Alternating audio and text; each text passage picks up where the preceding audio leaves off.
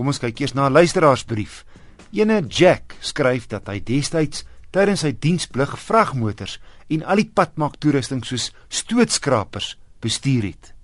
Afrat skryf hy is in ons ingeboender.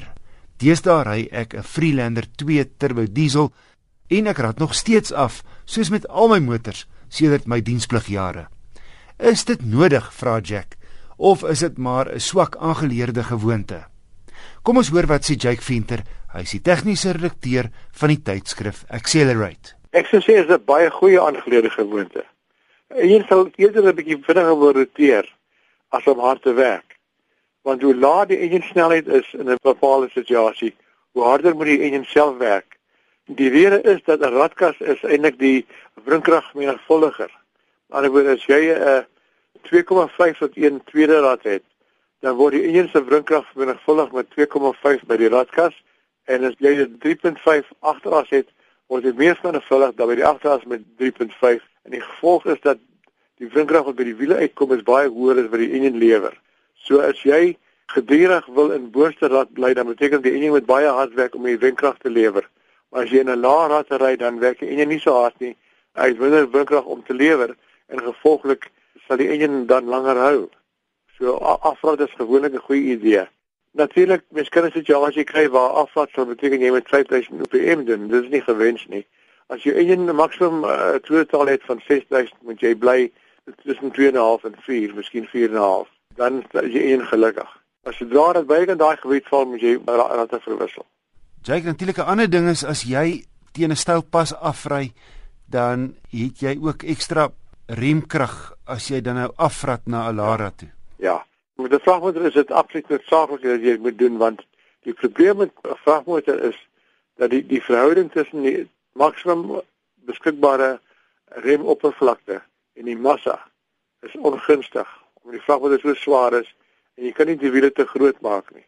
So 'n vragmotor se remme kry altyd baie swaar dat jy dit afdraai as jy motorsinne en daarom veral met vragmotors moet jy mens na 'n Lara toe gaan as jy afdraai. By motor is dit ook 'n goeie gewoonte, maar dit is nie so noodsaaklik nie.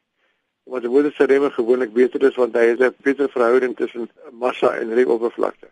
Ja, maar jy het tog meer beheer as jy wel afrat, nê? Ja, jy het meer beheer, ja. Minder kans vir te veel hitte. Remme kan te warm word. So Jake, dit kom daarop neer hoe swaarder die voertuig of hoe swaarder jou vrag, hoe beter is dit om af te rat. Dis korrek, ja. Dis heeltemal korrek. Jake Venter van die motortydskrif Accelerate. Motornavraag kan aan my gestuur word deur te e-pos na wissel@rsg.co.za. Toyota Suid-Afrika verkoop deesdae sy derde geslag Prius net in die luxe exclusive baadjie teen R389 000 nie goedkoop nie of dan 'n goeie R90 000 duurder as hy meer konvensionele mededingers synde die Corolla, Cruise Jetta en Focus turbo diesel sedans. Maar laat ek onmiddellik dit sê voordat ons by die tegnologie uitkom, die Prius Exclusive is baie goed toegerus met kenmerke wat nie op die turbo diesels standaard toerusting is nie, soos 'n multimedia sentrale aanraakskerm wat satellietnavigasie en die driekamera insluit. Parkeerhulp wat die motor self parkeer en 'n sondak. Maar hoe lig is hy nou eintlik op petrol in vergelyking met die turbo diesel vrate? Is die hibriede motor die land se brandstof koning? Wel, kom ons kyk eers hoe werk die hibriede aandrywing. Eenvoudig gestel, werk dit so: daar's 'n 1.8 liter petrolmasjien en 'n elektriese motor. Skakel die kar aan en jy hoor niks. Op die paneelbord staan dan net ready wat aantoon dat jy reg is om te ry sit hom in D vir drive. Steeds niks met die wegtrek. Is dit net die gedruis van die wiele wat jy hoor? Eers wanneer jy die lepel dieper intrap en meer krag nodig het as wat die elektriese motor kan voorsien, skop die petrolmasjien in. Dit gebeur heeltemal soemloos. Die verwikkelinge word volledig op die elektroniese paneelbord skematies weergegee. Haal jou voet van die pedaal af en die momente van die wiele se gedraai laai die battery effens. Rem en die prentjie wys vir jou dat die battery voluit gelaai word. Met ander woorde so min moontlik energie gaan verlore met die meganika van die Prius. Verder is hier 'n oulike ding in die dak aan die buitekant is daar sonpanele. Die sonpanele dryf die ligversorging aan. So een werkie minder vir die masjien. Sy verbruik was 'n uitstekende 5.3 liter per 100 km. Interessant in die stad en op die oop pad, dieselfde syfer.